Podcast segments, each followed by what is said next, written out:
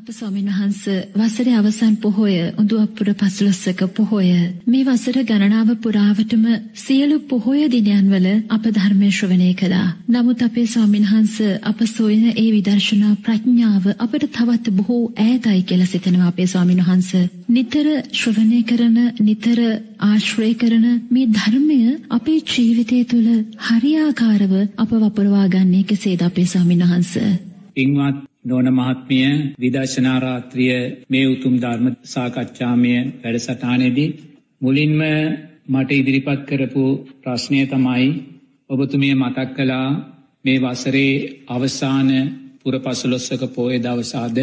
තව දිනකීපයකින් මේ වසර ගෙවී යනවා තවත් වසරක් උදාවෙනවා ඒවගේම මේ ගෙවී යන වසරේත් අපිට මේ ධර්මය අර්ථයන් ජීවිතයට එකතු කරගෙන අවම වශයෙන් විදර්ශනා නුවන එහමත් නැත්තා මුතුම් සෝවාන් සකෘදාගාමි ඒ උතුම් පලයන් සාක්ෂාත් කරගන්න අපිට තාමත් නොහැකිවුණේ ඇයි කියන කාරණය.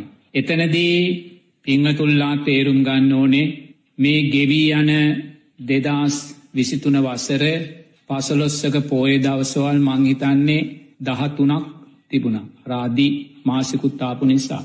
පසලොස්සක පෝය දවසල් දහතුනක් ගෙවුණා ඒ වගේම අපි හිතනවා අපේ ජීවිත කාලය පුරාවට කොච්චරනං පසලොස්සක පොහේවන් ගෙවිලයන්න අද වගේ. අද මේ උදාවුන උඳුවක් පුරපසලොස්සක පෝය දවස වගේ මේ ජීවිත කාලය පුරාවට මට වයිස අවුරුදු දැන් හැට දෙකක් වෙනවා මේ ජීවිත කාලය පුරාවට මේ වසර හැට දෙක කාලය පුරාවට පසලොස්සක පෝය දවසවල් දොළහා වැඩිකිරීම හැට දෙක ගෙවිල තියෙනවා. නමුත් පිංහතුනේ අපි එහෙම හිතුවොත් මංහිතනවා එතන තියෙන්නේ මෝහයයි කියන කාරණය. පිංහතුනේ අපි මේ ආවා වූ දීර්ඝ පටිච්ච සමුපපන්න බව ගමනෙදී බුදුරජාණන් වහන්සේ දේශනා කරනවා සම්මා සම්බුද්ධ ශාසන ලක්ෂ ගාන ඔබටත් මටත් මුණගැහුණ කියල. ඒ ආවා වූ දීර්ඝ සම්මා සම්බුද්ධ ශාසනවල ඒ ආවා වූ දීර්ඝ පටිච්ච සමුපපන්න බවගමනෙදී පිංහතුනී අපට මුණගැසුණු පුර පසලොස්සක පොහේ දවසවල් මෙතෙකයි කියලා ගණනකින් අපිට කියන්න බෑපිංහතුනි. සම්මා සම්බුද්ධ ශාසනවල ඉපදිලා මෙවැනි පුර පසලොස්සක පෝය දවසවල් කෝටිගානක් සංසාරේ අපිට හමුවෙන් ඇති. කෝටිගානක්. ඒ කෝටි ගානක් සම්මා සම්බුද්ධ ශාසනවල අතීතේ මමත් භික්‍ෂුවක් වෙලා ඉපදුන වෙලාවේ. දායක පිංවතුල්ලා ඔබ වගේ මාධ්‍යායතනවලින් පිංවතුනි ඔය ප්‍රශ්නය දසදහස් වාරයක් සංසාරයේ මගෙන් අහන්න ඇති. ඔබ මේ සුන්දර විදර්ශනා රාත්‍රියයේ මේ සුන්දර නිසල රාත්‍රිය උදුවක් පුරපසලොස්සක පොහොය ප්‍රභාශ්වරව නවයවුන් භාවෙන් ආකාසෙ දිදුලන මේ සුන්දර රාත්‍රියයේ ඔබ ඔය ප්‍රශ්නය අහනව වගේ මම දෑස් පියාගෙන නුවනින් දකිනවා. අතීත පංච උපාදානස්කන්දයට හිතියොමු කරලා අතීත සම්මා සම්බුද්ධ ශාසනවල ඉපදුන වෙලාවේ මම උතුම් පැවිදි උපසම්පදාවන් ලබපු වෙලාවේ මගේ ඉදිරියට දායක පිංවතුල්ලා ඇවිල්ලා මාධ්‍යවල පිංවතුල්ලා ඇවිල්ලා ඔය ප්‍රශ්නය දසදහස් වතාවක් අහන්න ඇති. ඒ දසදහස් වතාවෙම මම ඔබලාට පිළිතුරු දෙන්නත් ඇති. නමුත් පිංහතුනේ ඔබත් මමත් අදත් තාම එතනමයි. තාම එතනමයි. අපි මේ ප්‍රශ්නයට දසදහස් වතාවකට වඩා සංසාරි පිළිතුරු බැන්දත් පිංහතුනේ තාම ඔබටත් මටත් පුළුවන්කමක් ලැබුන්නේ මේ ප්‍රශ්නය ප්‍රායෝගිකව එහි පිළිතුර අපේ ජීවිතයට එකතු කරගන්න. පිංහතුනී එම පිළිතුර අපේ ජීවිතයට එකතු කරගන්න ඔබටත් මටත් තාම බැරි වුණේ එකම එක හේතුවක් නිසා. ඇයිඒ අපි තාම කල්්‍යාන මිත්‍රයාට කීකරුණේ නෑ පිංහතුනේ. අපි ස්ථාම කල්්‍යාන මිත්‍රයාට කීකරුණේ නෑ කෞද අපේ කල්්‍යාන මිත්‍රයා ලෝතුරා බුදුරජාණන් වහන්සේ. ලෝතුරා බුදුරජාණන් වහන්සේ කල්්‍යාන මිත්‍රයා හැටියට අපිට මේ උතුම් ධර්මය දේශනා කළත්. සක්කාත ගුණයෙන් දේශනා කරනු. මේසා ගැඹුරු පංච උපාදානස්කන්ද ලෝකයක් මේ ජීවිතේදීම උතුම් චතුරාර් සත්‍ය අවබෝධයෙන් සැනසෙන්න උතුම් චතුරාර් සත්‍ය දැකීමෙන් සැනසෙන්න මෙවන් සුන්දර ධර්මයක් අපිට දේශනා කළා තාම අපේ කල්්‍යාන මිත්‍රයාට අවනත වනේ නෑ පිංහතුනි කීකරුණේ නෑ. නමුත් අතීතේ මනුස්ස ගාතන නමසි අනූ නමයක් කරලා. ඇගිලි නමසි අනූ නමයක මල්මාලාවක් ගෙල පළඳගෙන හිටිය අංගුලි මාල පිංහතුනේ බුදුරජාණන් වහන්සේ දේශනා කරන ගාතා පද හතරකින් පිංහතුනේ බුදුරජාණන් වහන්සේට කීකරුවෙනවා. බුදුරජාණන් වහන්සේට කීකරුවෙනවා. අම්බ පාලිය මගද රාජ්‍යයේ ප්‍රධාන ගනිකාව බුදුරජාණන් වහන්සේගේ එක බණපදයකින් කීකරුවෙනවා. අර සුනීතාර සෝපා කලා සමාජයේ පහත්ම අඩියක ජීවත් වනත් බුදුරජාණන් වහන්සේගේ එකම අවවාදයකින් කීකරුවෙනවා. නමුත් ඔබටත් මටත් අතීත පසලොස්සක පොහොයන් කෝටි ගානක් ගෙවිලගියන් තාමත් ඒ උතුම් සද්ධර්මය දකින්න අවබෝධ කරන්න නොලැබුණේ පිංහතුනේ අපි තාම අපේ කල්්‍යාන මිත්‍රයාට කීකරු වෙලා නෑ හොඳින් තේරුම්ගන්න. පිංහතුනී මේ ධර්ම මාර්ගයේ අංක එක කල්්‍යාන මිත්‍රාශ්‍රයයි. මොකද කල්්‍යාන මිත්‍රාශ්‍රයත් කල්්‍යාන මිත්‍රයාත් සම්මා සම්බුද්ධ ශාසනයක් කියන්නේ දෙකක් නෙමේ පිංහතුනි එකක්මයි. බුදුරජාණන් වහන්සේ දේශනා කරනවා ආනන්ද කල්්‍යාන මිත්‍රාශ්‍රයක් සම්මා සම්බුද්ධ ශාසනයක් කියන්නේ එක මාර්ථයයි පිංහතුනි. කල්්‍යාන මිත්‍රයා මයි මේ සම්මා සම්බුද්ධ ශාසනයේ මේ උතුම් චතුරාර් සත්‍ය ආර්ථය අපේ ජීවිතවලට කියල දෙන්න. එනිසා අපි නුවනින් දකින්න ඕනේ සිරස ගුවන් විදිලි ඉදිරියේ වාඩි වෙලා මේ සුන්දර පසලොස්සක පොය දවසේ දෑස් පියාගෙන අතීත පංච උපාදානස්කන්දේට හිතියොමු කරන්න ඒ පංච උපාදානස්කන්දේට හිතියොමු කරලා ගෙවී ගිය පසලොස්සක පොහොයන් කෝටි ගානක් සිහියට නගාගන්න ඔබ ඉපදුනා වූ සම්මා සම්බුද්ධ ශාසන ලක්ෂගානක් සිහියට නගාගන්න ඒ සම්බුද්ධ ශාසන ලක්ෂගානිදී ලෝතුරා බුදුරජාණන් වහන්සේලාගෙන් මහරහතන් වහන්සේලාගෙන් මහා සංගරත්නයෙන් පිංහතුනේ අපි කොච්චරනම් බණහල ඇද්ද පිංහතුනේ? බණහල ඇද්ද උන්වහන්සේලා අපිට මුලින්ම දේශනා කළේ චතුරාර් සත්‍යයයි. මහනෙන මෙන්න දුක මෙච්චර පැහැදිලිව උන්වහන්සේලා අපිට දේශනා කල්ල තියෙන මොකක්ද දුක? මහනෙන මේ ජාති ජරා ව්‍යාධි මරණ සෝක පරිදේව දුක්ක දෝමනස්යන් ප්‍රියන්ගෙන් වෙන්වීම අප්‍රියන්නා එක්වීම පංච උපාදානස්කන්ද දුක දුක්ක සත්‍යයයි කියල බුදුරජාණන් වහන්සේ දේශනාක බොම් පැහැදිලි පිංහතුරි. ධර්මය ස්වක්කාත ගුණය ධර්මය සරල ගුණය බුදුරජාණන් වහන්සේ දුක්ක සත්‍යය මේසා පැහැදිලිව දේශනා කළන්. අපි තාම මේ සත්‍ය දුක්ක සත්‍ය හැටියට අපි දකින්නෑ පිඟතුනේ. අපි ජාති ජරා ව්‍යාධි මරණ සෝක පරිදේවයන් ඉදිරියේ අපි තාමත් ගැටෙනෝ පිංහතුනි. අපි තාමත් ඇලෙනවා අපි තාමත් මේ ජාති ජරාව්‍යාධි මරණ සෝක පරිදේවියෝ පිංහතුනි දුක කියන කාරණය හැටියට දකින්නේ. අවිද්‍යාවෙන් ඉපදුනා වූ දුක්ක සත්‍යය කියලා අපි දකින්නේ නෑ. ඒ නිසාම අපි ජාති ජරා ව්‍යාධි මරණ සෝක පරිදේවයන් ඉදිරියේ එක්කෝ ඇලෙනවා එක්කෝ ගැටෙනවා. බුදුරජාණන් වහන්සේ උපත දුකක් කියලා හිතද්දී. බුදුරජාණන් වහන්සේ ඉපදීම දුකයි කියල කියද්දී. පිංහතුනේ අපි තාමත් කේ කපලා උත්සව තියලා සම්භාෂණ තියලා පිංහතුනේ අපි තාමත් උපත මහා ඉහලින් සමරනවා. තාමත් සමරනවා. ඒ ඇනෙ දුක්ක සත්‍යයට ඇලෙනවා.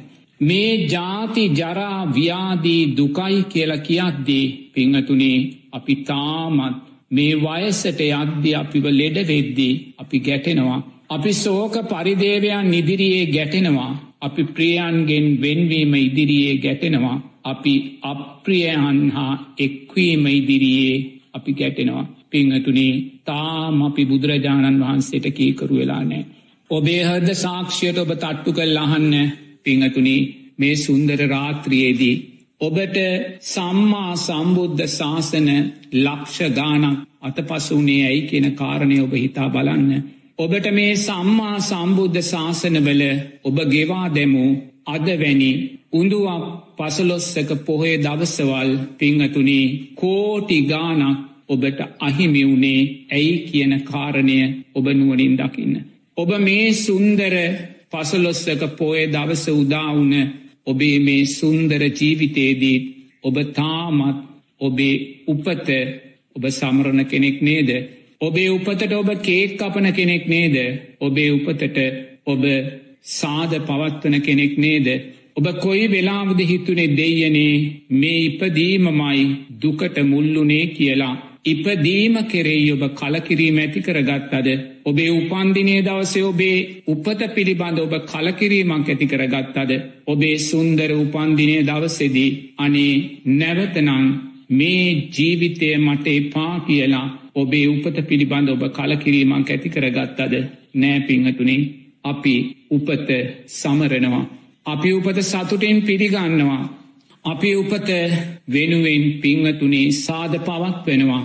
අපි තාම උපත තුකේ මුල කියලා අපි දැක්කෙනෑ. මගෙත් මීට දවස් කීපයකට පෙරාතුව මගෙත් උපන්දිනය ගෙවිලගියා මංහිතන්න හැට දෙවැනි උපන්දිනය තමයි ලැබුවේ. මට කීප දෙනෙක් ඇවිල්ල කිව්ව ස්වාමීන් වහන්ස අනේ ඔබ වහන්ස වෙනුවෙන් බෝධි පූජාවක් කරන්න අවශ්‍යයි වඩින් එදාට කියලා මංගේ අයට මතක් කළේ පිංහතුනේ අනුන්ගේ සංස්කාරවලින් මන් දුවන්න කැමති නෑ කියලා. පිංහතුනේ අනුන්ගේ සංස්කාරවලින් මන් දුවන්න කැමති නැහැ. ඇයි පිංහතුනේ අනුන්ගේ සංස්කාරවලින් අපි දිව්වෝත් අපි මුලාවට පත්වෙනවා. අපි මෝහයට පත්වෙනවා. එනිසා ගෞරෝණය සාමීන් වහන්සේ නමකුත් මේ කුටියටම වැඩම කරලා මට කියද්දී අනේ විසියෙක් පෙනිදා අපි කිරි වෙහෙරට ගිහිල්ල බෝධි පූජාවක් කරමු කියලා මං උන්නාන්සේට ගෞරුවය මතක් කළේ සාමීන් වහන්ස මං අනුන්ගේ සංස්කාරවලින් දුවන්න කැමතිනෑ. මගේ සංස්කාරවලින් යන තැනකට දුවපුදෙන්.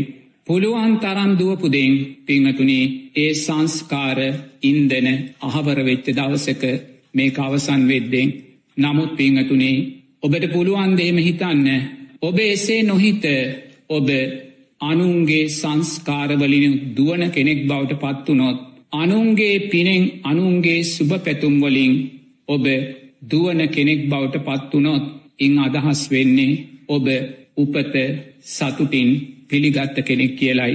උපත සතුටින් පිළිගන්න මොහොතක් පාසා පිංහතුනේ අපි තවත් උපතකට අදාළ සංස්කාර අපේ ජීවිතයෙන් රැස් කරගන්නවා. එනිසා මේ කතා කරන භික්‍ෂුව පිංහතුනේ ඇස් දෙක පියවෙන තුරාවට අනුන්ගේ සංස්කාරවලින් දුවන්න කැමති නැහැ.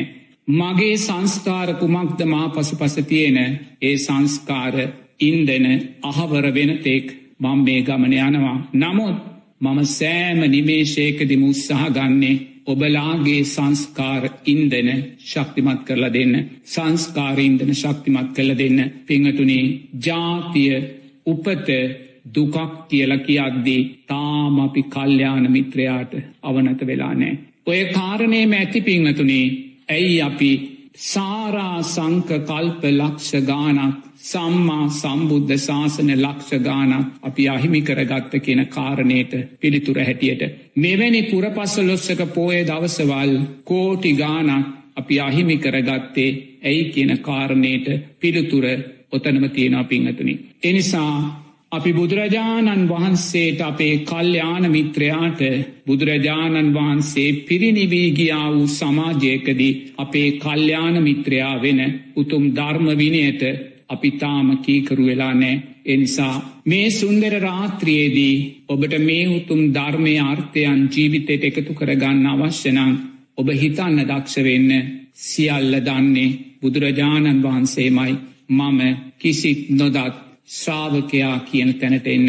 එතනයි නිහතමානී කමේ මුල පිංහතුනේ එතන ඉදං ඔබ දක්ෂ වෙන්න ඕනේ කල්්‍යාන මිත්‍රයා බුදුරජාණන් වහන්සේ. මේ මොහොතේ අපේ කල්්‍යාන මිත්‍රයා මේ උතුම් ධර්ම විනය ඒ ධර්ම විනය නිවැරදිව දේශනා කරන මහා සංගරත්නය පිංහතුනී ඒ කල්්‍යාන මිත්‍රයාට අදාළව ඔබ පවතින්න.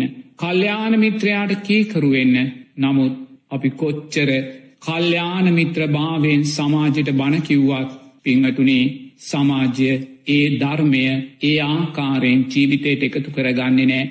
අපි කොච්චරනං කියල තියෙනවාද? මේ විදර්ශනාරාත්‍රිය වැඩසටානෙන් ධර්මයාත්‍රා වැඩසටානෙන් පන්සිල් මළුව වැඩසටානෙන් ධර්ම දේශනාතුළින් මේ රටේ මහා සංගරත්නය කොච්චර නම් කියනවාද පිංහතුනි මේ චතුරාර් සත්‍ය පිළිබඳ. දුක්ක සත්‍ය කොච්චර නම් පැහැදිලි කරලා දෙනවාද? මේ ජාති ජරා ව්‍යාදි මරණ සෝක පරිදේව දුක්ක දෝමනස්යන් මේ ප්‍රියන්ගෙන් වෙම්මීන් අප්‍රියන්නා එක්වීම් පංච උපාදානස්කන්ද දුක දුක්ක සත්‍යයයි කියලා. තාම අපි ඒක ජීවිතයට එකතු කරගත්තන හරද සාක්ෂිර තට්ටු කරන්න. ප්‍රියන් ඔබෙන් වෙන්නුනත් ඔබ කොච්චර දුකට පත්වෙනවාද. ඔබේ අම්ම තාත්තා ඔබේ ආච්චි සීය ඔබේ ඥාතිවරයා මිය ගිය දවසේ ඔබ කොච්චර දුක්වෙන් නැද්ද. ඔබ කොච්චර කඳුළු සලන් නැද්ද පිංහතුනේ අපි තාමත් දුක්ක සත්‍ය ජීවිතයට එකතු කරගත්තනෑ. රූප වේදනා සංඥා සංකාර විඤ්ඥාන දුකාපේ ජීවිතයට එකතු කරගද්දී. මේ රූපය වෙනස් වෙලා යද්දී. මේ රූපය ඇසුරෙන් සකස් වෙන විඳීන් වෙනස් වෙලා යද්දී. ඒ විඳීම් ඇසුරෙන් සකස් වෙන හඳුනා ගැනීම් වෙනස් වෙලා යද්දී. ඒ හඳුනා ගැනීම් තුළින් සකස් වෙන සංස්කාරයෝ වෙනස් වෙලා යද්දී.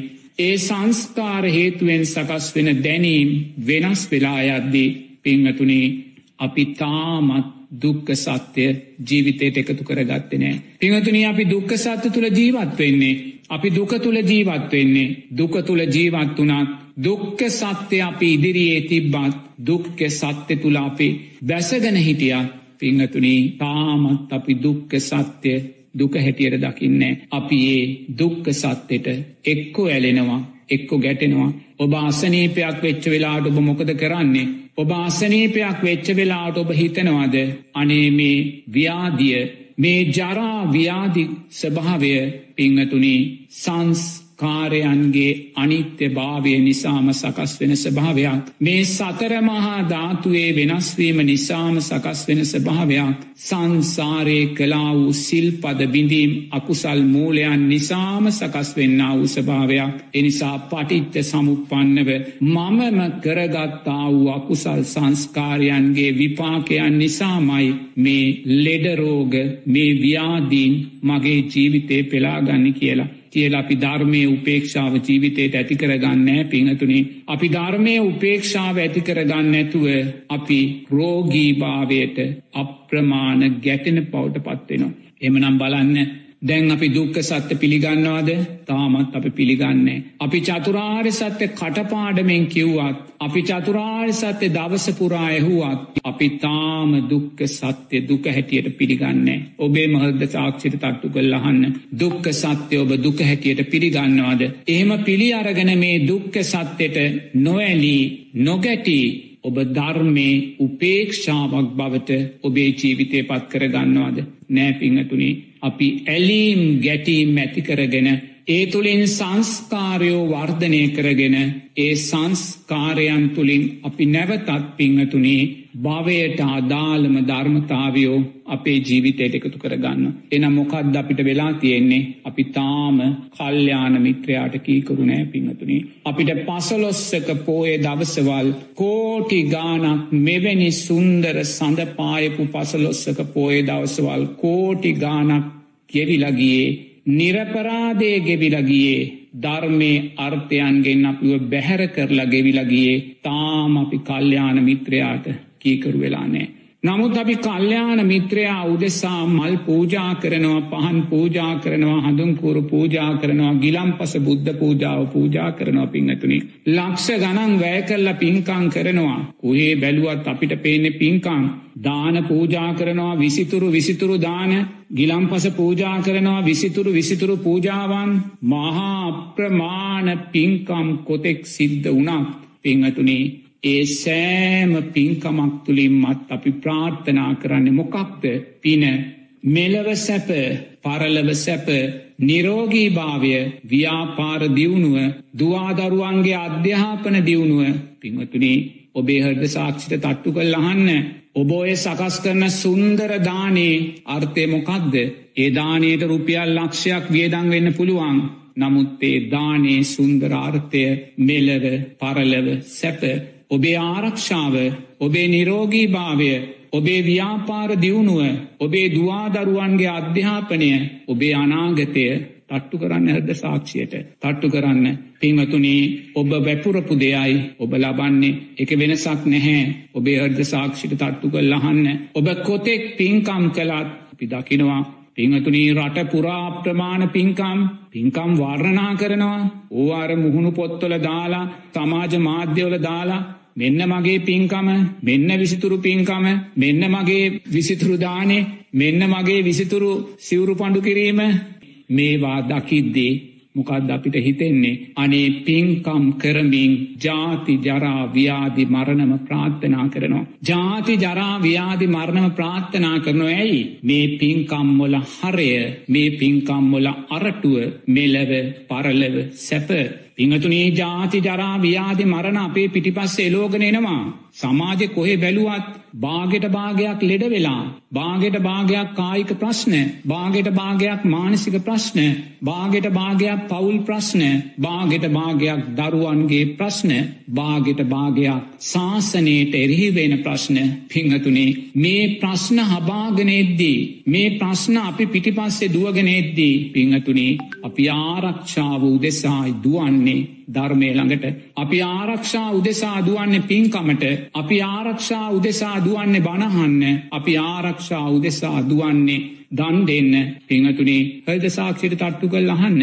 අපි කරන පින්කම් පින උදෙසාම නේද කියලා කෙනෙක් කියන්න පුළුවන්. හරි සාමීන් වහන්ස පින උදෙසා තමයි. නමුත් පින උදෙසා පින්කම් කළත් නිවන උදෙසා පිලක්ක කරගන්නවා කියලා. පිංහතුනේ පිනයි නිවනයි කවදාක්වත් එකතු වෙන ධර්මතාවයක් නෙමේ. ඔබ පින් කරද්දි ඔබේ වර්ණය සැපේ බලයමයි වැඩෙන්නේ පින කරද්දි වර්ණය සැපේ බලය වැඩෙද්දී නිවන ඔබෙන් ඇතට යනවා. ඒක හොඳින් තේරුම් ගන්න. සමාජය තුළ විසිතුරු විසිතුරු පින්කම් කෙරෙද්දී පිංහතුනේ අපිට හොරා නිවන ඇතට යනවා. මොකද වර්ණය සැපය බලය නිරතුරු අපිව යොමු කරන්නේ ලෝබ දේශ මෝහයන් කරාමයි කාම රාග පටිගයන් කරාමයි. එනිසා පිංහතුනේ අපි මේ සුන්දර සම්මා සම්බුද්ධ ශාසනය උපයෝගී කරගෙන සුන්දර පින්කම් කළත් ප්‍රාර්ථනා කරන්නේ මෙලව පරලව සැපයනං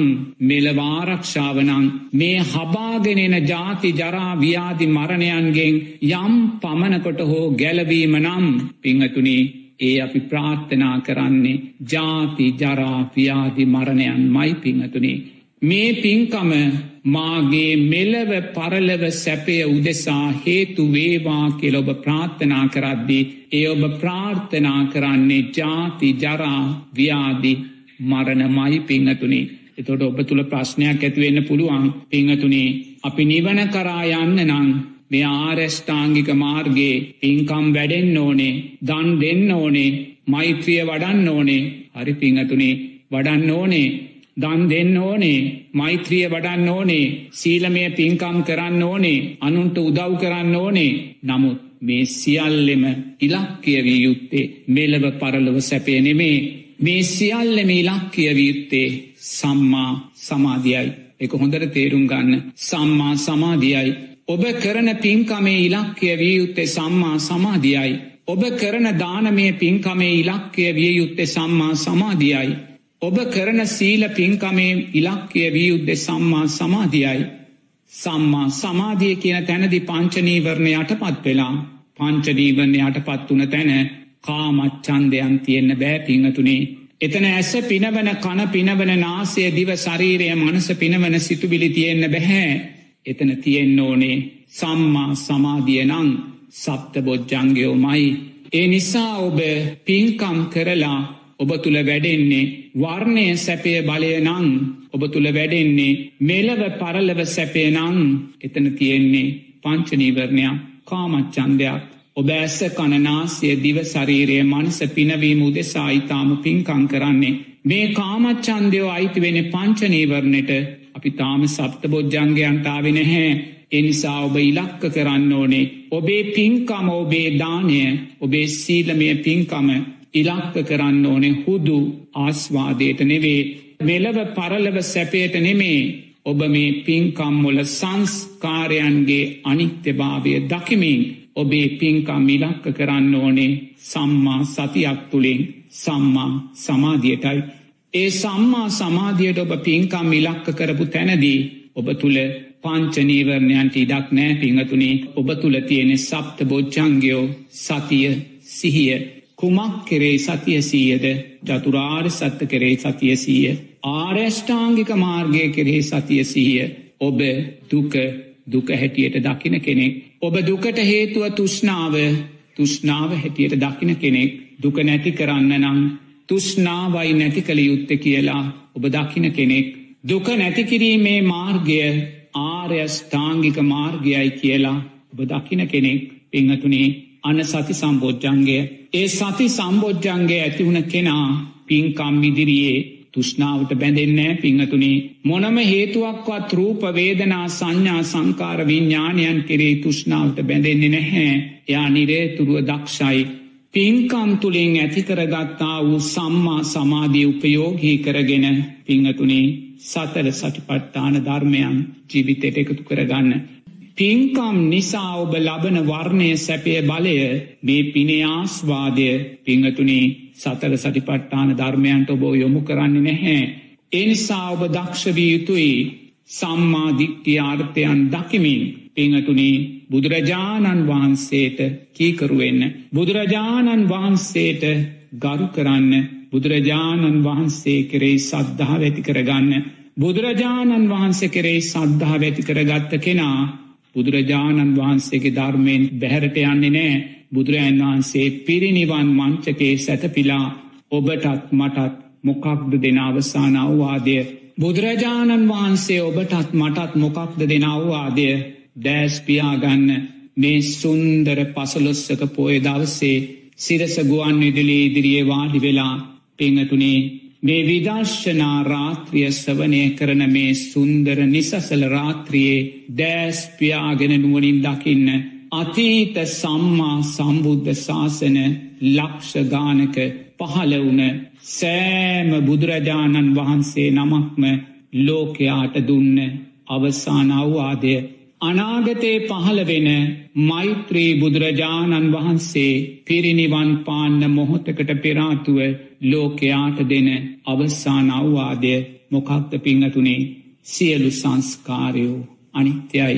මහනෙනි සියලු සංස්කාරයෝ අනිත්‍යයි ඔබ කරන්නා වූ මේ සෑම කුසල් සංස්කාරයක්ම විපාකදීලා අනිත්‍ය වෙනවා. ඔබ කරන්නා වූ සෑම අකුසල් සංස්කාරයක්ම විපාකදීලා අනිත්‍ය වෙනවා මහනෙනේ මේ අනිත්‍ය වෙන සංස්කාරයන්ට බැඳෙන්න එපා. මේ සංස්කාරයෝ වංචාවක් මේ සංස්කාරයෝ ප්‍රෝඩාවක් මේ සංස්කාරයෝ ඇස් බැන්දුමක් අතීත සම්මා සම්බුද්ධ ශාසන ලක්ෂගානක් ඔබට අහිමි කළේ මේ සංස්කාරනැමති වංචාවමයි ප්‍රෝඩාවමයි ඇස් පැන්දුමමයි පිංහතුනේ අන්න බුදුරජාණන් වහන්සේලාගේ අනුශාසනාව. ඔබේ හර්ද සාක්ෂිට තට්ටු කළ අහන්න ඔබ ඔය අනුශාසනාවට අවනතුනාද කියලා. මහනිනි මේ සියලු සංස්කාරයෝ අනිත්‍යයි මේ සංස්කාරයෝ වංචාවක් මේ සංස්කාරයෝ ප්‍රෝඩාවක් මේ සංස්කාරයෝ ඇස් බැන්දුමක් අතීත සම්මා සම්බුද්ධ ශාසන ලක්ෂගානක් ඔබටත් මටත් අහිමි කළේ මේ සංස්කාරයන්ගේ වංචාවමයි කියලා. බුදුරජාණන් වහන්සේ දේශනා කරද්දී හිසගිනි ගත්තෙක් ඒගිනි නිවන්නයම් සේද බව ගින්දරම නිවාගන්න කියලා බුදුරජාණන් වහන්සේ දේශනා කරද්දී පිංහතුනේ අපි තාමත් මොකද කරන්නේ ගිනිගන්නා වූ හිසට තාමත් අපි සංස්කාර භූමිතෙල්වක් කරගන්නවා. මේ ගිනිගන්නා වූ හිතට මේ ජාති ජරා ව්‍යාධි මරණ සෝක පරිදේවයන්ගෙන් ගිනිගන්නා වූ හිසට තව තවත් සංස්කාර නැමති ඉන්දනම අපි එකතු කරගන්නවා. පිනේ ආස්වාදය නිසා මේ ගිනියම අපිට දැනෙන්නේ පිංහතුනේ. පිනේ ආස්වාදය නිසා මේ ගිනි රස්නය අපිට දැනෙන්නේ නැහැ. බව සැපේ ආස්වාදය නිසාපිට මේ ගිනි සැරාපිට දැනෙන්නේ නැහැ. ඇයි තාම අපි බුදුරජාණන් වහන්සේට කීකරුණේ නෑ. බුදුරජාණන් වහන්සේ පිරිනිවන් පාන අවසාන විනාඩි කීපේකෙදී අර සුබද්‍ර භික්‍ෂුව බුදුරජාණන් වහන්සේට කීකරුණා.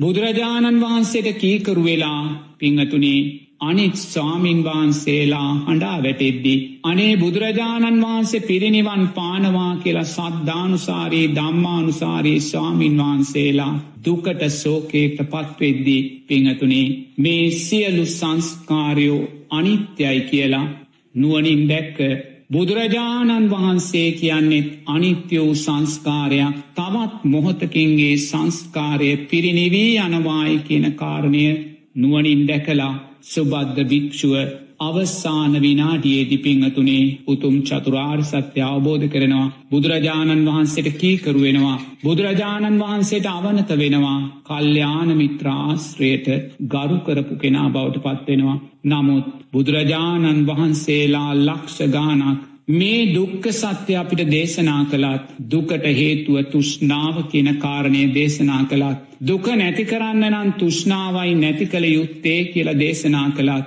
ඒ නැතිකිරීමේ මාර්ග ආර්යෂ්ඨාංගික මාර්ගය කියලා අපිට දේශනා කළත් පිංහතුනේ තාමත් අපි ඒ සත්‍යය අපේ ජීවිතයට එකතු කරගන්නේ නෑ අපි හිතන්නේ මේ අපි ඉපදුන මුල්ම වතාවයි කියලා. අපි හිතන්නේ මේ අපි බෞද්ධයෙක්කුණ මුල්ම වතාවයි කියලා. අපි හිතන්නේ මේ අපි පින්කම් කරන බණ අහන දන් දෙන මුල්ම වතාවයි කියලා පිංහතුනේ මුල්ම වතාවයි කියලා. පිංහතුනේ ලෝතුරා බුදුරජාණන් වහන්සේට කීකරුවෙන්න සම්මාධිට්්‍ය අර්ථයන් ජීවිතයට එකතු කරගන්න තෙරුවන් කරේ සද්ධාව. තාම අපි තෙරුවන් කරේ සද්ධාවට අවංක වැැවිල්ල නැහැ. ලක්ෂ ගානක් වටින පින්කමක් ඔබ දැන් කරන්න පුළුවන්. හැමෝම පුදුම වෙන බුද්ධ පූජාවක් ඔබ තියන්න පුළුවන් පිංහතුනේ මොනවක් කළත් තාම බුදුරජාණන් වහන්සට කීකරුණේ නැහැ. බුදුරජාණන් වහන්සේ සියලු සංස්කාරයෝ අනිත්‍යයි කියල කියද්දී. මේ හිස ගිනිගත්තෙක් ඒගිනි නිවන්නේ අම්සේද මේ බව ගින්දර නිවාගන්න කියලා අපිට කියද්දී පිංහතුනේ තාමත් අපි ආර්ථය ජීවිතයට ගත්තෙනෑ. ඔබ බුදුරජාණන් වහන්සේට අර්ථවත් ආකාරෙන් සරණගියා කියන්නේ මේ උතුම් සත්‍යය ඔබ පිළිගන්න ඕනේ. මේ සංස්කාරයෝ අනිත්‍යයි කෙන සත්‍යය ඔබ පිළිගන්න ඕන. එක වචනයෙන් විතරක් නෙමේ. ඒක ඔබේ හර්ද සාක්ෂිය තුළ ඔබේ ජීවිතය තුළ එක ප්‍රායෝගික වෙන්න ඕනේ. එහෙම නැතුව ඔබ මුළු ජීවිතේම පින්කම් පස්සෙ දුවදවා දානමය පින්කම් පස්සෙ දුවදවා පිංහතුනේ අනුන් යන්නන් වාලේ ඔබත් යන්න එපා. පින්කම් අත්‍යවශ්‍යයි. මේ ශාසනයේ ශක්තිමත් වෙන්න මේ උතුම් සංගරත්නය පෝෂණය කරන්න මේ උතුම් ශාසනය අර්ථවත් කරන්න මේක ජීවත් කරන්න සිව්පසේ අවශ්‍යයි පින්කම් අවශ්‍යයි. එව නෑ කියන කාරණය නෙමේ මං කියන්නේ. නමුත් පිංහතුනේ සම්මා සම්බුද්ධ ශාසන ලක්ෂගානක් ගෙවිලගියා ඒ සෑම තැනකදිම අපි සංස්කාරයන්ට කොටුනා ඒ කොටුවීම තුළ අපි තාමත් පින්කං කරන කෙනෙක් බවට පත්වෙනවා. ඒ නිසා ලෝකය නිවැරදි කරන්න ඔබට බැහැ. ලෝකේ නිවැරදි කරන්න බුදුරජාණන් වහන්සේලාටත් බැහැ. එනිසා නිවැරදි නොවන ලෝකය උපයෝගී කරගෙන පිංහතුනේ ඔබ නිවැරදි වෙන්න. ඔබට පුළුවන්නං මං මේ කියන ධර්මය උපයෝගී කරගෙන මාව මේ ලෝකෙ තියලා ඔබ නිදහස් වෙන්න එතනයි ධර්මය එතනයි බුදුරජාණන් වහන්සේගේ ශාසනය එක හොඳින් තේරුම් ගන්න. ඔබට පුළුවන්නං මේ බණ කියන මාව ලෝකයේ තුළ තියලා. මේ සද්ධර්මය ආර්ථය ජීවිතයට එකතු කරගෙන ඔබ නිදහස් වෙලා යන්න පිංහතුනී ඔබ නිදහස් වුනොත් මම නෙමේ ජයග්‍රහයකයා ඔබමයි. මම නෙමේ බුදුරජාණන් වහන්සේගේ සරණගිය ශ්‍රාවකයා ඔබමයි පිංහතුනේ බුදුරජාණන් වහන්සේගේ ශ්‍රාවකයේ කැටියට මේ සුන්දර විදර්ශනා රාත්‍රිය මේ ධර්මසාකච්ඡාව මොහොතේ මං උත්සාහගන්නේ පිංහතුනේ මේ උතුම් ශ්‍රී සද්ධර්මය උපයෝගී කරගෙන පිංහතුනේ ඔබලාව උපයෝගී කරගෙන ඔබලාව ලෝකේ තියලා මම නිදහස් වෙන්න. ඔබලාව ලෝකයේ තුළ තියලා මම නිදහස් වෙන්න. එසේ නොවී මං ඔබලා ගැන හිතුවොත් අනේ මේ මගේ දායක පිංහතුල්ලා මේ මගේ මට උපකාරක පුරපු පිංහතුල්ලා මේ මට සිව්පසේ නැපූ පස්ථාන කරපු පින්වතුල්ලා කියලා මං ඔබලාට ඇඩුනොත් එම නැත්තං මං ඔබලාට ගැටුනොත් පිංහතුනේ මම බුඩු ලෝකයම අල්ලගත්ත කෙනෙක් වෙනවා. මම මුළු ලෝකෙම මගේ කරගත්ත කෙනෙක් වෙනවා. පිංහතුනේ ඉනිසා මට එතෙන්ට යන්න අවශ්‍ය නැහැ. එනිසා මේ සුන්දර රාත්‍රියේදීත් මේ විදර්ශනාමය ධර්මයන් විදර්ශනාමය මෙත් සිතින් ඔබට දේශනා කරන්නේ මට පුළුවන්නම් ඔබලාව තියලා මම නිදහස් වෙලා යන්නයි. බුදුරජාණන් වහන්සේ අපිව තියලා නිදහස් වුනා. සාරිපුත්ත මහෝත්තමයාණන් වහන්සේ අපිව තියලා උන්වහන්සේල ලෝකෙන් නිදහස් වුනා. අර පටා චාරාව කිසා ගෝතමිය පිංහතුනේ ධර්මය අර්ථයෙන් බිදක්වත් නොදැන සිටි ඒ උත්තමාවියෝ බුදුරජාණන් වහන්සේට කීකරු වෙලා අපිව ලෝකය තුළ තියලා උන්වහන්සේලා නිදහස් වුනා එනිසා ඔබ කරන්න ඕනෙ පිංහතුනේ මාව මේ ලෝකයේ තිල ඔබලා නිදහස් වෙන්න බලන්න. ඔබලා මේ ලෝකයේ තුළම කියල මන් නිදහස් වෙන්න බලනවා. අපි අපි ගැන හිතන්න ගියොත්. අපි අපි වෙනුවෙන් පෙනේ හිටින්න ගියොත්. අපි අපිට උපකාර කරගන්න ගියොත්. පිංහතුනේ අපි ලෝකෙම අල්ල ගත්ත වෙනවා. ලෝකය කියන රූප වේදනා සංඥා සංකාර විඤ්ඥානයයි මගේ ලෝකයක් අනිත්‍ය වූ සංස්කාරයක් වෙද්දී මට අනුන්ගේ ලෝක අල්ලගෙන වැඩක් නැහැ. නමුත් ඔබලා අපිට සිව් පසේ නැපු පස්ථාන කරනවා. ඒ කෘතවේදී භාවය අපි ඔබට දක්වෙනවා. ඒ කෘතවේදී භාවයයි මේ කතා කරන උතුම් සාමීචි පටිපන්න ගුණය. මේ විදර්ශනාමය මෙස්සිතිං ඔබට කතා කරන මේ උතුම් සාමීචි පටිපන්න ගුණය එනිසා පිංහතුනේ ඔබේ හර්ද සාක්ෂිට තත්තු කල් අහන්න අපි තාමත් බුදුරජාණන් වහන්සේට කීකරුණේ නෑ. ඔබලා පින්කම් කරද්දි ඔබලාගේ ආස්වාදය දකිද්දී තැ මේ අලුතෙන් අර අන්තර්ජාල එහෙමත් නැත්තම් සමාජ මාධ්‍ය දාලා පිංහතුනි මේ තාක්ෂණික මාරයා මේක මාර්ක බුදුරජන් වන්සේ තාක්ෂණය මාරයා කියලා කියන්නේ. බුදුරජන් වහන්සේගේ කාලි තාක්ෂණයක් තිබෙන හැ එනිසා බුදුරජන් වන්සේ තාක්ෂණය මාරයා කියලා කොතනකවත් දේශනා කරල නැහැ. නමුත් තාක්ෂණයේ ලෝකෙට බිහිවෙන්නේ ජනතාවගේ පුුණ්්‍ය ශක්තිය නිසා. ජනතාවගේ දැනුම නිසා ජනතාවගේ බුද්ධිය නිසා දැනුම බුද්ධිය ඉහෙලගියේ ජනතාවගේ අතීත පින නිසා. එනිසා ජනතාවගේ දැනුමෙන් බුද්ධියෙන් ලෝකෙට බිහිවෙන මේ නවීන තාක්ෂණය කියන්නේ පිනේ පලයක් සංස්කාරයෝ මාරයානං පින කියන්නේ මාරයා මයි පිංහතුනි එනිසා මාරයා සක්‍රියව ඉන්නවා. මාධ්‍ය හැටියට මාරයා සක්‍රියෝ ඉන්නවා. පිංහතුනේ මේ මාධ්‍ය උපයෝගී කරගෙන අද අපිට පේනවා බලවත් වූ දානයාස්වාදයන් සීලයාස්වාදයන් සද්ධර්මයාස්වාදයන් පිංහතුනේ ලෝකයේ නිවැරදි කරන්න ඔබටත් මටත් බැහැ. මමත් මේ කතා කරන්නේ තාක්ෂණයේ තිවුණුවකින් මේ ගුවන් විදිලිය කියන තාක්ෂණය දියුණුව මේක පිනේ පලයක් නමුත් මේ ධර්මතාවයක් මාරයා හැටියට දකින්න කියලයි බුදුරජාණන් වහන්සේ අපිට දේශනා කරන්නේ. එනිසා මම දක්ෂයි මේ මාරධර්මය උපයෝගී කරගෙන පිංහතුනේ ලෝකයාට සාමීචි පටිපන්න ගුණේ උපකාර කරන්න. මේ මාරධර්මය උපයෝගී කරගෙන මාරයාගෙන් මිදීම උදෙසා පිංහතුනේ මාරයාටම අභියෝගයක් වෙන්න. එනිසා ඔබ දක්ෂ වෙන්න මාරධර්මයන් ඉදිරියේ පිංහතුනේ අපි ආස්වාදයට ලෝකෙට පෙන්නන්න පින්කං කරන්න එපා. හොදට තේරුම් ගන්න. පින්කම් කළ යුත්තේ ලෝකෙට පෙන්න්න නෙමේ. පින්කම් කළ යුත්තේ ඔබේ සම්මා සතිය උදෙසා. ඔබේ සම්මා සම්මාධිය උදෙසා ඔබේ විදර්ශනාව උදෙසා මේවා අපි දහස් වතාවක් සමාජයට කියලතිනවා. නමුත් කියන්න කියන්න සමාජය ආස්වාදය දිසාවටමයි හබායන්න පිංහතුනේ. එනිසා ඔබ දක්ෂ වෙන්න අපි තාම බුදුරජාණන් වහන්සේට කීකරු වෙලා නෑ බුදුරජාණන් වහන්සේට කීකරුණා කියන්නේ සංස්කාරයන්ගේ අනිත්‍ය භාවය දකින තැනට ඔබ එන්න ඕනේ. හිස ගිනිගත්තෙක් ඒගිනි නිවන්නේ අම්සේද අනේ මේ භවයනං එපා උපතනං එපා ඔබ උපතෙන් සතුට වෙන කෙනෙක් නං.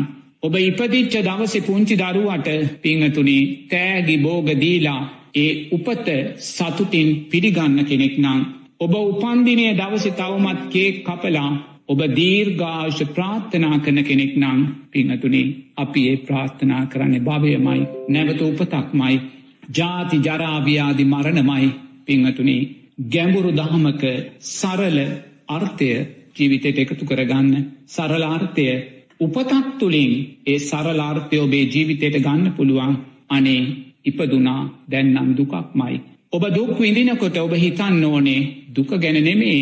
ඔබ දුක් විඳිනකොට දුක ගැන හිතුවොත් පට කවදාක්වත් දුක නිරෝධය කරන්න බැහැ. ඔබ දුක් විඳිද්දී ඔබ හිතන්න ඕනේ අනේ මේ දුක ඇති වුණේ ඉපදීම නිසාමයි. අද ඉඳං ඔබට ලෙඩ වෙද්දී. ඔබට කොන්දේ අමාරුව ඇගේ අමාරුව උරෙස්සේ අමාරුව බෙල්ලෙක් හිසේ අමාරු ඇති වෙද්දී. පිංහතුනේ ලෙඩේ ගැන හිතන්න එපා ලෙඩේට බෙහෙත් ගන්න ළමුත් ලෙඩේ ගැන සීපත් වෙන සෑම මොහොතකම හිතන්න අනේ මාව ලෙඩ වුණේ ඉපදීම නිසායි කියලා. ඔබේ දුවට පුතාට ඔබේ බෑනට ලේලිට දරුවෙක් කම්බුණා කියල ඔබට ආරංචි වෙද්දී. එම නැත්තං ඔබේ දුවගේ පුතාගේ ලේලියගේ බෑනගේ පුංචි පුතා පුංචි දුව දකිද්දී අනේ මේ ඉපදිලා තියෙන්නේ දුකක් මයි කියල දකින්න. මේ ඉපදිලා තියෙන දුකක් මයි කියල දකින ඒකෙන් අදහස් වෙන්න නැහැ. ඒ දරුවා නලවන්න එපා. ඒ දරුවා ඔඩොක්කුවට ගන්න එපා. ඒ දරුවා සතුටු කරන්න එපා. ඒ දරුවත් එක සෙල්ලං කරන්න එපා කියන කාරණය අදහස් වෙන්න නැහැ. ඒ දේවල් කරන්න ඒ දේවල් කරන්න නමුත් හිතන්න දෙයනේ මගේ පුතෙක් තමයි මගේ දුවෙක් තමයි මගේ මොනුපුරෙක් මිනිබිරියක් තමයි නමුත් මේ ඉපදිලා තියෙන්නේ. ජාති ජරා ව්‍යාධි මරණයක්. මේ ඉපදිලා තියෙන ජාති ජරාවියාධි මරණයක් ඇත්ත ඇති සැටියෙන් දකින්න. ඔබේ උපන්දිනය අදනං කෙනෙක් ඔබ වෙනුවෙන් කේක් ගෙඩියක් කපද්දි ඔබ සමරන්නේ ජාති ජරා ව්‍යාධි මරණ කියලා දකින්න. ඔබේ උපන්දිනය දවසේ කෙනෙක් සුභ පතද්දී ඒ සුභ පැතුම ඔබ සතුටින් පිළිගන්න. ඔබේ උපන්දිනය දවසේ සුභ පැතුම සතුටින් පිළි අරගෙන ඔබ ඊළඟ හිතෙන් හිතන්න අනේ මේ සුභ පැතුවේ ජාති ජරා ව්‍යාදි මරණකටමයි කියලා පිංහතුනේ නිරතුරුව ජීවිතය තුරින් ධර්මය මතු කරගන්න ජාති ජරා ව්‍යාදි මරණ සෝක පරිදේව දුක්ක දෝමනස්යන් දුක්ක සත්‍යයිති මාරයාට ඔබ දක්ෂ වෙන්න මාරයා තුළින් ධර්මය මතු කරගන්න. ඔබ මාරයා තුළින් මතු කරගන්න මාරයා මයි උදින් තේරුම් ගන්න. ඔබ ඉපදීම සතුටින් පිළිගන්නවනං මං කවදාක්වත් මගේ ඉපදීම සතුටින් පිළිගන්නේ. මං ඔබව කොච්චර ධර්මයෙන් සතුටු කළත් මං ඔබව කොච්චර විදර්ශනා නුවනින් සතුටු කළත් ඔබ කොච්චර මට ගරු කළත් පිංහතුනේ මේ ජීවිතය ඉපදීම මං සතුටු වෙන්නේ. මං ඉපදුනේක ගැන මං සතුටු වෙන්නේ. ඔබ හිතන ඇතියනේ අර්යඥාන හාමුදුරුව සමාජයට බණ කියන අනිත් හාමුදුරුව වගේම උන්වහන්සේගෙන් සමාජයට පුංචි හෝ සේවයක් වෙනවා. උන්වහන්සේගෙන් ශාසනයට පුංචි හෝ සේවයක් වෙනවා අනේ උන්වහන්සේගේ උපත ශේෂ්ඨයි එය ඔබ හිතන හැටි. නමුත් මගේ ඉපදීම සිහිවෙන මොහොතක් පාසා මම දකින්නේ. ඒක දුක හැටියට මයි. ඒ උපත නැවත එපා කියන තැන්ටමයි මම දකින්නේ පිංහතුනි ඒකයි මංකිව්වේ මීට දවස් පහකට වගේ පෙරාතුව මගේ උපන්දිනය ගෙවිලගියත් ඒ උපන්දිනය දවස මම දකින්නේ දුක්ක සත්‍යය හැටියට මයි දුක්ක සත්‍ය හැටියට මයි. මට මේ ජාති ජරා ව්‍යාදි මරණ සෝක දුක දුන්න දවස හැටියට මයි. මේ පංච උපාදානස්කන්ද දුක මට දුන්න දවස හැටියට මයි නමුත් ඒ දවසට මං ගැටෙන්නේ නැහැ. ඒ දවසට මං ඇලෙන්නෙත් නැහැ. මන්දකිනවා ඒ දුක සකස් වුනේ ඇයි? එද්දාස් නමසය හැට දෙකේ දෙසැම්බර් විසියෙක් වෙනි දවසේ සිකුරාදා දවසේ රාත්‍රී දහයයි හතට පිංහතුනේ මං මේ ලෝකෙට එලිය දකින්නේ කාසල් රෝහලේදී. පිංහතුනේ ඒලිය දැක්කේ මම නෙමේ. ඒලිය දැක්කේ දුකයි. ඒලිය දැක්කේ දුක්ක සත්‍යයයි. ඒ දුක්ක සත්‍යයෙන් එලි දැක්කේ මගේ තුෂ්නාව නිසා මයි පිංහතුනේ. එනිසා මගේ උපන්දිනය සිහිවෙන මොහොතේ මංගේ උපන්දිනය දකින්නේ දුක්ක සත්‍ය හැටියට. මම මේ දුක්ක සත්‍යය චතුරාර්ය සත්‍ය තුළ ගිය ජීවිතේ විසිරෙව්වෙනෑ. ඒ දුක්ක සත්‍යමන් නිරෝධය කළේ නැහැ පිංහතුනේ ඒ දුක්ක සත්‍යයේ උපත සිද්ධ වනේ ඇයි පිංහතුනේ භවය නිසා. භවයත් ඇති වුණේ ඇයි? භවය කරේ තුෂ්නාව මාතුළ ඇති වුණේ ඇයි? උපාදානය නිසා මාතුළ උපාදානය ඇති වුණේ ඇයි? පංච උපාදානස්කන්දය කරේ තුෂ්නාව නිසා. ඒ තුෂ්නාව ඇති වුණේ ඇයි? පිංහතුනේ ඇලීම් ගැටීම් උපේක්ෂා විඳීම් නිසා. මේ විඳීම් ඇති වුණේ ඇයි? පස්සය නිසා. මේ පස්සේ ඇති වුණේ ඇයි? සලායතනයන් නිසා. මේ සලායතනයන් නැති වුණේ ඇයි? නාමරූප නිසා. මේ නාමරූප ඇති වුණේ ඇයි? විඤ්ඥානය නිසා. මේ විඤ්ඥානය ඇති වුණේ ඇයි? සංස්කාර නිසා. මේ සංස්කාර ඇති වුණේ ඇයි? අවිද්‍යාව නිසා. අන්න පිංහතුනේ උපතේ සැබෑ අරුත එද්දාස් නමසය හැට දෙකේ දෙසැම්බර් විසියෙක් වෙනිදා සිකුරාදා රාත්‍රී දහයයි හත සිහිපත්වෙද්දී මම දකින්නේ අවිද්‍යාවේ උපතයි. අවිද්‍යාවේ උපතයි. මම මේ ජීවිතය ඔබට කිනම් යහපත කලාත් පිංහතුනේ. මගේ උපත දුක්ක සත්‍යයමයි මගේ උපත අවිද්‍යාවමයි.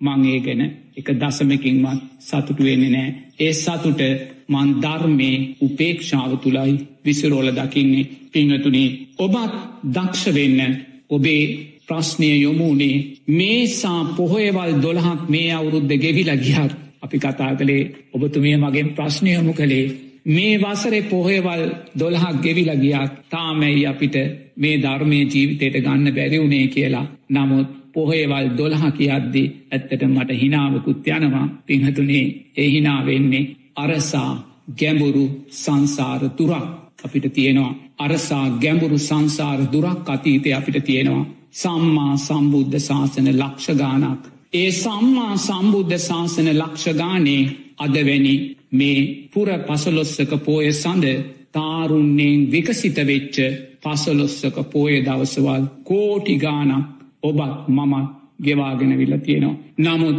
ඒ ගෙවාගෙනාපු ඒසා දීර්ග පටිච්ච සමුපන්න බව ගමනෙදී පිංහතුනේ අපිට තාමත් මේ උතුම් චතුරාර් සත්‍යයෝ ජීවිතයට එකතු කරගන්න බැරිවුණේ අපි කල්්‍යාන මිත්‍රයාට කීකරු වෙලා නෑ. කල්්‍යාන මිත්‍රයාට අවනත වෙලා නෑ.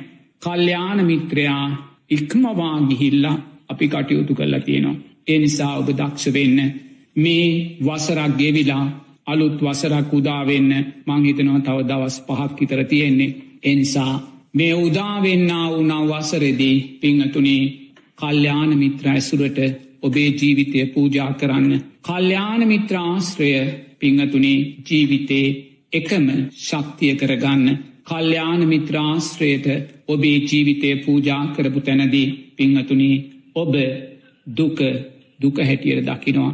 දුකට හේතුව තුෂ්නාව තුෂ්නාව හැටියටම දකිනවා. දුක නැති කරන්න නං තුෂ්නාවයි නැති කළ යුත්ත කියල දකිනවා. දුක නැති කරන්න නම් තුෂ්නාව නැති කරන්න නම්. එකම මාර්ගය උතුම් මාර්යෂ්ඨාංගික මාර්ගය කියල දකිනවා. එහෙම දැකලා ඔබ දානය තුළ පැළපදියම් වෙන්න නැහැ. ඔබ සීලේ තුළ පැළපදියම් වෙන්න නැහැ. ඔබ විසිතුරු විසිතුරු පින්කම් කරලා.